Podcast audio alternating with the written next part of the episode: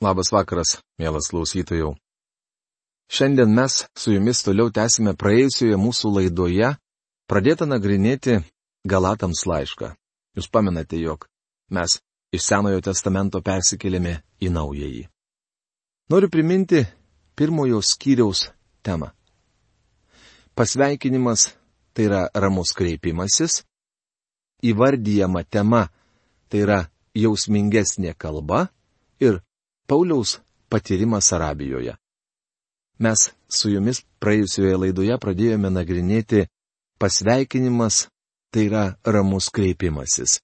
Ir apžvelgėme pirmąją Galatams laiško pirmos skyriaus eilutę. Dabar jums priminsiu ją ir mes tęsime apžvalgą.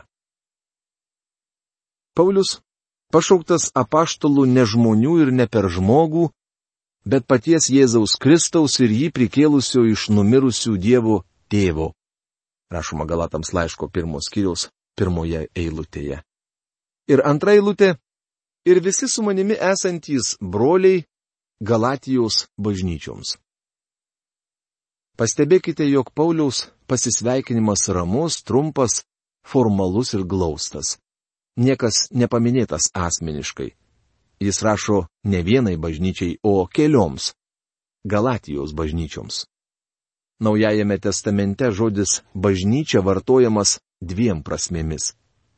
Pirmoji reiškia, jog bažnyčia - visas tikinčiųjų kūnas, susidedantis iš skirtingų grupių žmonių, kurie patikėjo Kristumi kaip savo gelbėtojų.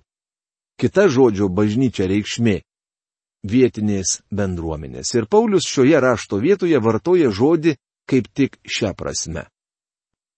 Daugelįje Galatijos dalių gyvavo bažnyčios vietinės bendruomenės.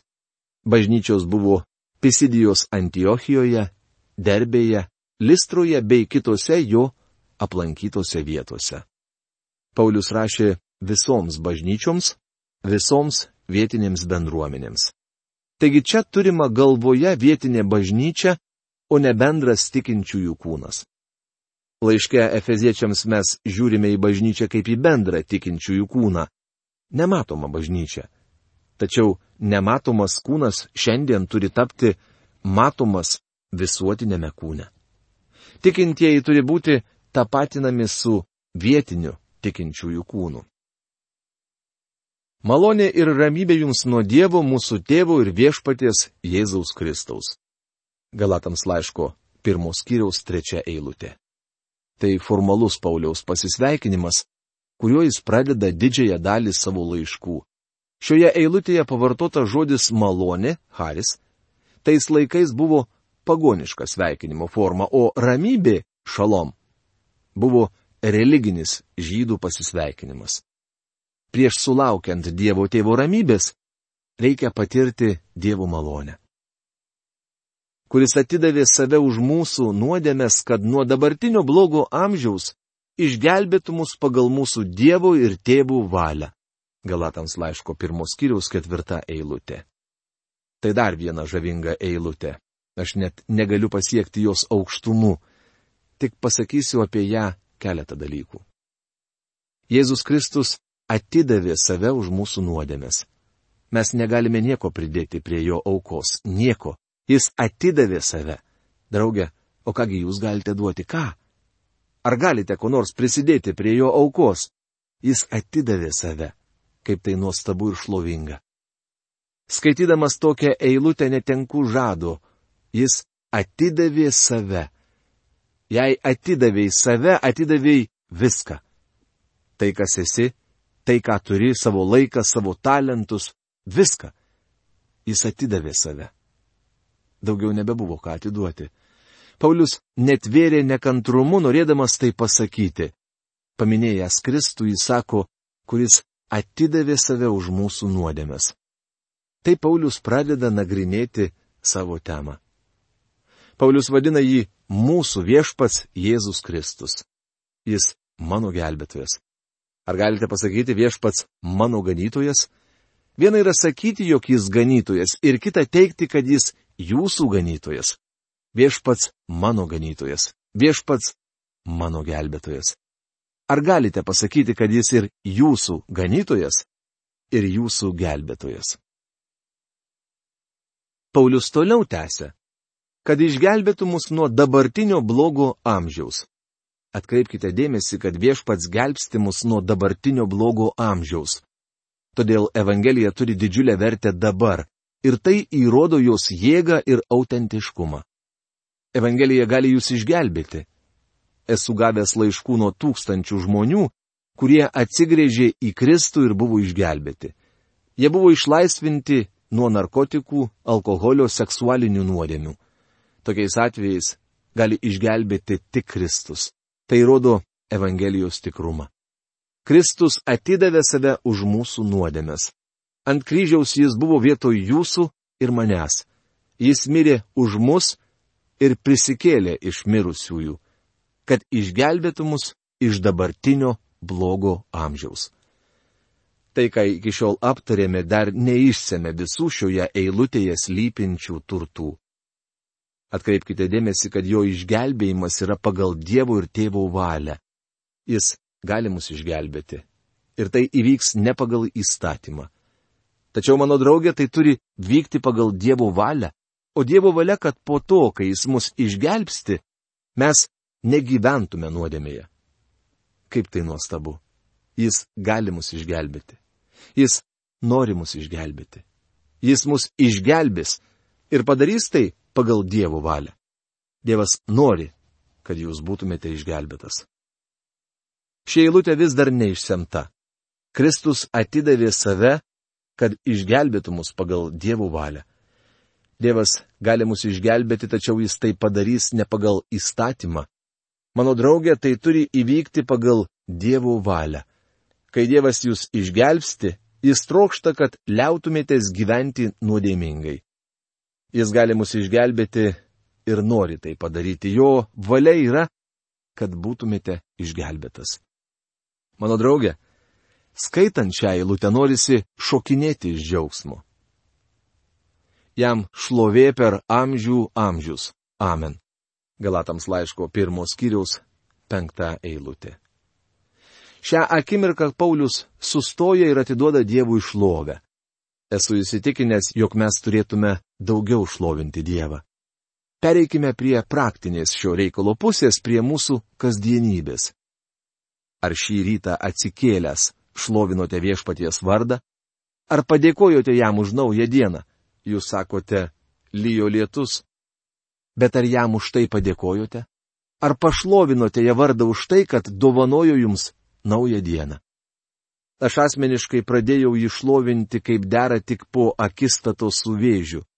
Dabar kiekvieną rytą pirmiausia, nesvarbu, ar šviečia saulė, ar pliaupia lietus, sakau, viešpatie, ačiū tau už naują dieną. Koks jis nuostabus. Mes turime jį labiau šlovinti. Noriu, kad visa šlovėti tektų mano Dievui ir gelbėtojui. Nenoriu laikytis nuo šaliai ir daryti kompromisus, pritardamas įspūdingoms šio laikinėms dainoms, kurios menkina viešpati Jėzų Kristų. Aš atvirai prieš jas pasisakau, nes jis yra Dievas apreikštas kūne. Jis atidavė save už mane. Aš trokštų šlovinti jo vardą. Jam šlovė per amžių amžius. Per amžių amžius. Prasideda nuo dabar ir tęsiasi per amžinybę. Tuo baigėsi Pauliaus pasisveikinimas, nors jame skamba kai kurios šlovingos tiesos, manau turėsite pripažinti, jog tai ramus, neasmeninis apaštalo Pauliaus pasisveikinimas. Įvardyjama tema tai yra jausmingesnė kalba. Dabar Paulius įvardina savo laiško temą. Šalta kalba tampa karštesnė. Iš tiesų jis supykęs. Kodėl?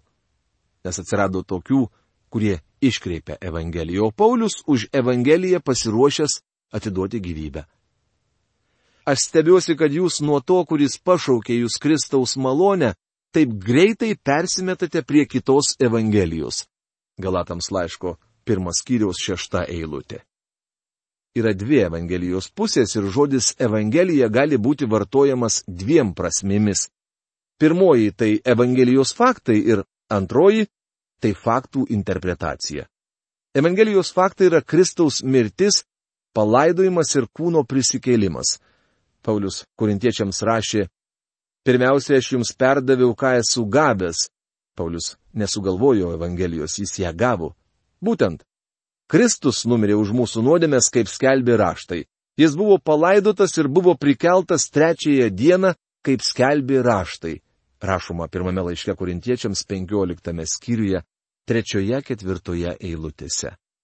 Tai istoriniai Evangelijos faktai, kurių negalima pakeisti. Jei nepateiki šių faktų, tai negali pamokslauti Evangelijos. Antroji Evangelijos pusė yra faktų interpretavimas. Jie turi būti priimti tikėjimu ir viskas. Paulius laiške Galatijos tikintiesiems kalba apie Evangelijos faktų interpretavimą. Judaizmo šalininkai nusekė Paulių į Galatiją, Jie neginčijo Evangelijos faktų. Juk galų gale iš karto 500 žmonių pamatė viešpati Jėzų po jo prisikėlimo. Kai tiek daug žmonių yra liudininkai, negali nuneikti Evangelijos faktų. Tačiau jų skelbiama erezija kilo iš tų faktų interpretavimo. Jie labai klastingai ir gudriai kalbėjo kažką panašaus. Ar brolis Paulius buvo pas jūs atėjęs? Žmonės atsakydavo, Taip, jis buvo atvykęs, jis pamokslavo Evangeliją, o mes ją priėmėme. Mes atsivertėme, pažįstame Kristų kaip savo gelbėtoją ir priklausome tikinčiųjų kūnui. Judaizmo šalininkai atsakydavo, tai labai puiku. Brolis Paulius viską daro teisingai, tačiau ne iki galo. Ar jis perspėjo jūs, jog turite laikytis Mozės įstatymo? Ne. Jis turėjo jums tai pasakyti. Taip, jūs turite pasitikėti Kristumi, tačiau taip pat turite laikytis ir Mozės įstatymo, kitaip nebūsite išgelbėti. Tai viena iš seniausių žinomų erezijų. Ji vis dar gai ir šiandien. Ji ką nors prideda prie malonės Evangelijos. Ji verčia ką nors daryti, užuot paprasčiausiai tikėjus. Tai tikėjimas plus kažkas vietoj paprasto tikėjimo.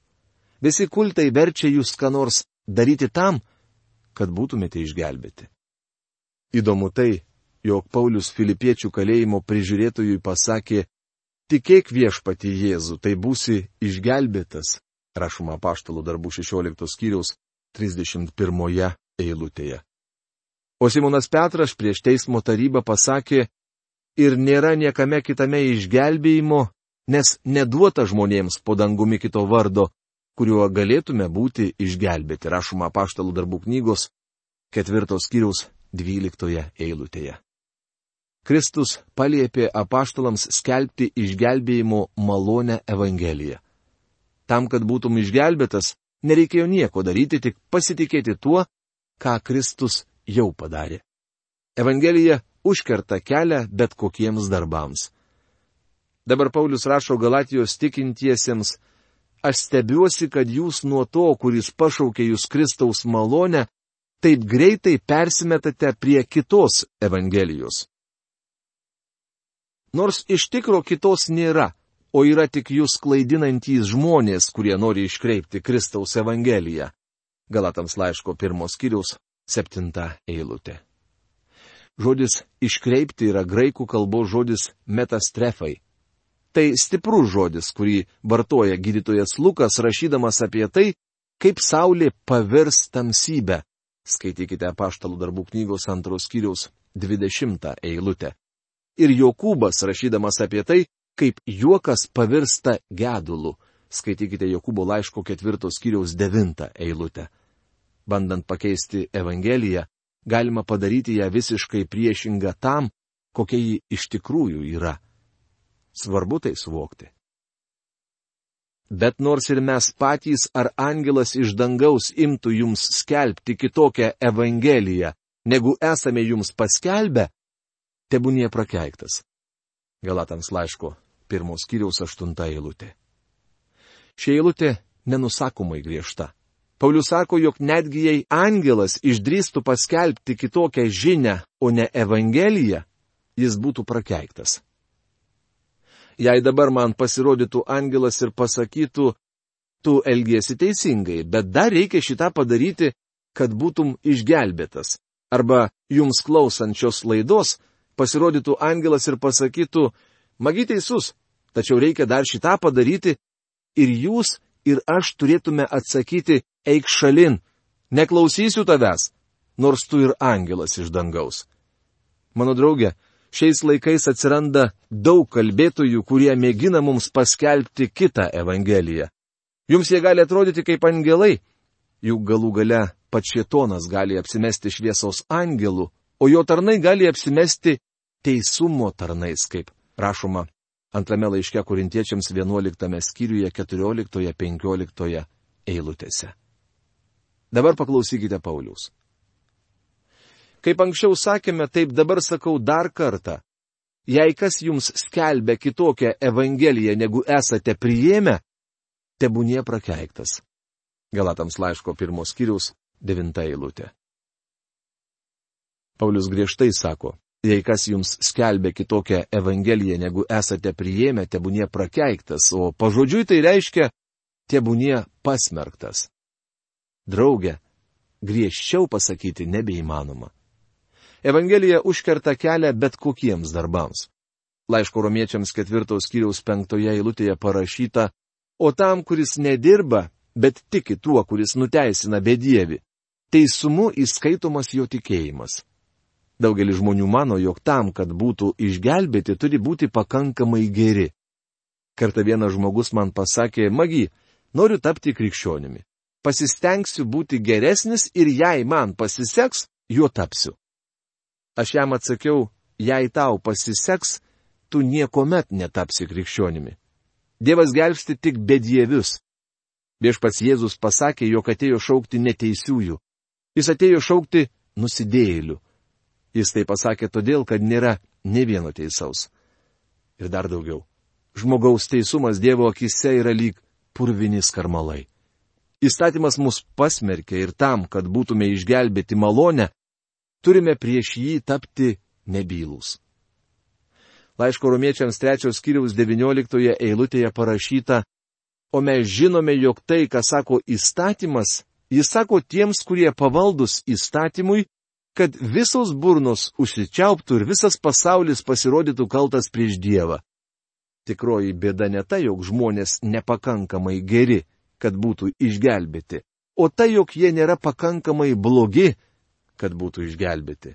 Žmonija nepripažįsta, kad Dievo akivaizdoje yra pražuvusi. Žmonija pateko į keblę padėtį. Judaizmo šalininkai neneigė Evangelijos faktų, kad Jėzus mirė ir prisikėlė. Jie neigė, jog to pakanka. Jie atkakliai tvirtino, kad reikia ne tik pasitikėti Kristumi, bet ir laikytis įstatymo. Paulius sako, tebu neprakeiktas kiekvienas, kuris mėgina sumaišyti įstatymą ir malonę. Kodėl? Todėl, kad jie iškreipia Evangeliją. Jie neneigia Evangelijos faktų, bet neteisingai juos interpretuoja. Jie iškreipia Evangeliją. Ar aš ieškau žmonių palankumo ar Dievo? Gal stengiuosi įtikti žmonėms? Norėdamas patikti žmonėms, nebebūčiau Kristaus tarnas. Galatams laiško pirmos kiriaus dešimta eilutė. Profesorius Algirdas Jurienas šią eilutę išvertė taip. Argi dabar ieškau žmonių pritarimo ar Dievo? Arba ar stengiuosi patikti žmonėms? Jei tebesistengčiau žmonėms patikti, nebūčiau Kristaus tarnas. Frazė ieškoti pritarimo reiškia susidraugauti. Skofildo Biblijos vertime ši frazė išversta ieškoti palankumo. Pirmo laiško tesalonikiečiams antros skyriaus ketvirtoje eilutėje ir ketvirtos skyriaus pirmoje eilutėje įtikti Dievui yra supriešinama įtikti savo ar kitiems. Evangelijos skelbimas nepatinka pražuvusiam žmogui. Joks žmogus negali tuo pačiu įtikti Dievui ir žmonėms. Jei šiandien pamokslauji malonės Evangeliją, gali pakliūti į bėdą, nes nusidėjėliai nekenčia Dievo malonės Evangelijos. Daug neišgelbėtų bažnyčios narių nenori girdėti malonės žinios. Jie nori girdėti tokią žinę, kuri patiktų jų kūnui. Malonės Evangelija sumaišomus su žemėmis ir Dievo akivaizdoje padaro elgetomis. Iš prigimties žmogus linkęs laikytis įstatymo raidės. Jis mano, jog gelbėtojas jam nereikalingas. jam tik reikalingas padėjėjas. O mano draugė, mes trečią kartą skęstame. Mums reikia, kad kas nors mus išgelbėtų. Tie, kurie skelbia įstatymą, yra populiarūs. Neseniai per televiziją klausiausi vietinio pastorius. Techniniu ir profesionalumo požiūriu jo programa viena puikiausių. Jis sakė pamokslą apie Jėzaus ateimą į pasaulį. Kalbėjo apie Kristaus mirtį ir prisikėlimą. Tačiau jis nepaminėjo, jog žmonės, kuriems pamokslauja, nusidėlė ir jiems reikalingas gelbėtojas. Jis nepasakė savo žiūrovams, kad Jėzus už juos mirė ir kad jie turi juo pasitikėti, jei nori būti išgelbėti. Vietoj to jis kalbėjo apie pasišventimą. Jis pakvietė žmonės pašvesti savo gyvenimus Kristui. Drauge, būkime atviri. Kristui nereikia nei jūsų, nei mano seno gyvenimo. Mes neturime ką jam pašvesti. Šiandien jis nori per mus veikti jei tik mes galėtume tai suvokti.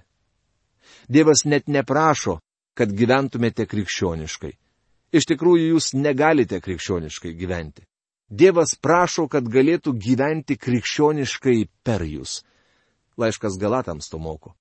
Tačiau visų pirma turime ateiti pas Kristų kaip nusidėjėliai ir būti išgelbėti. Šiandien mūsų bažnyčios pilnos neišgelbėtų žmonių. Žinote kodėl? Jie niekada netėjo pas Kristų ir nepriėmė jo kaip gelbėtojo. Jiems atrodo, kad turi ką jam pašvesti. Mano draugė, jūs neturite nieko, ką galėtumėte jam pašvesti.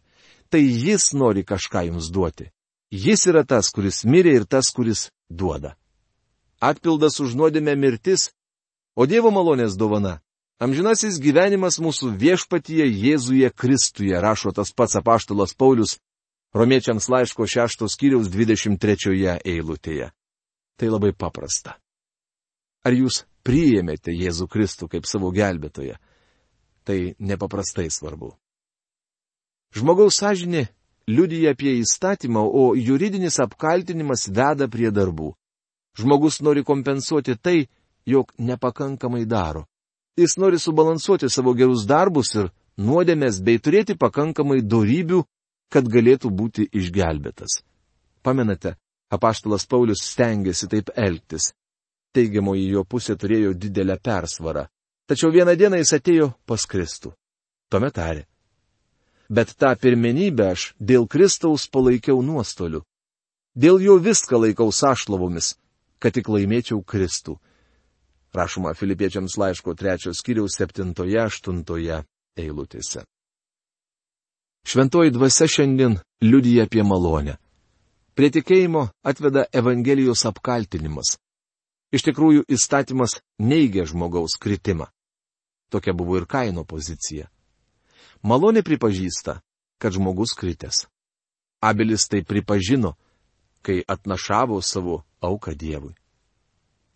Dabar prieiname prie naujos atkarpos, kuri kalba apie apaštalą Paulių asmeniškai, apie jo patyrimą Arabijoje, bendravimą su apaštalais Jeruzalėje ir ginčą su Petru Antijochijoje. Visą tai papasakota iki antrojo skyriaus pirmos pusės. Bet tos dalykus, mielas klausytojų, mes su jumis žiūrėsime, apžvelgsime jau kitoje laidoje. O šios dienos laidą baigėme.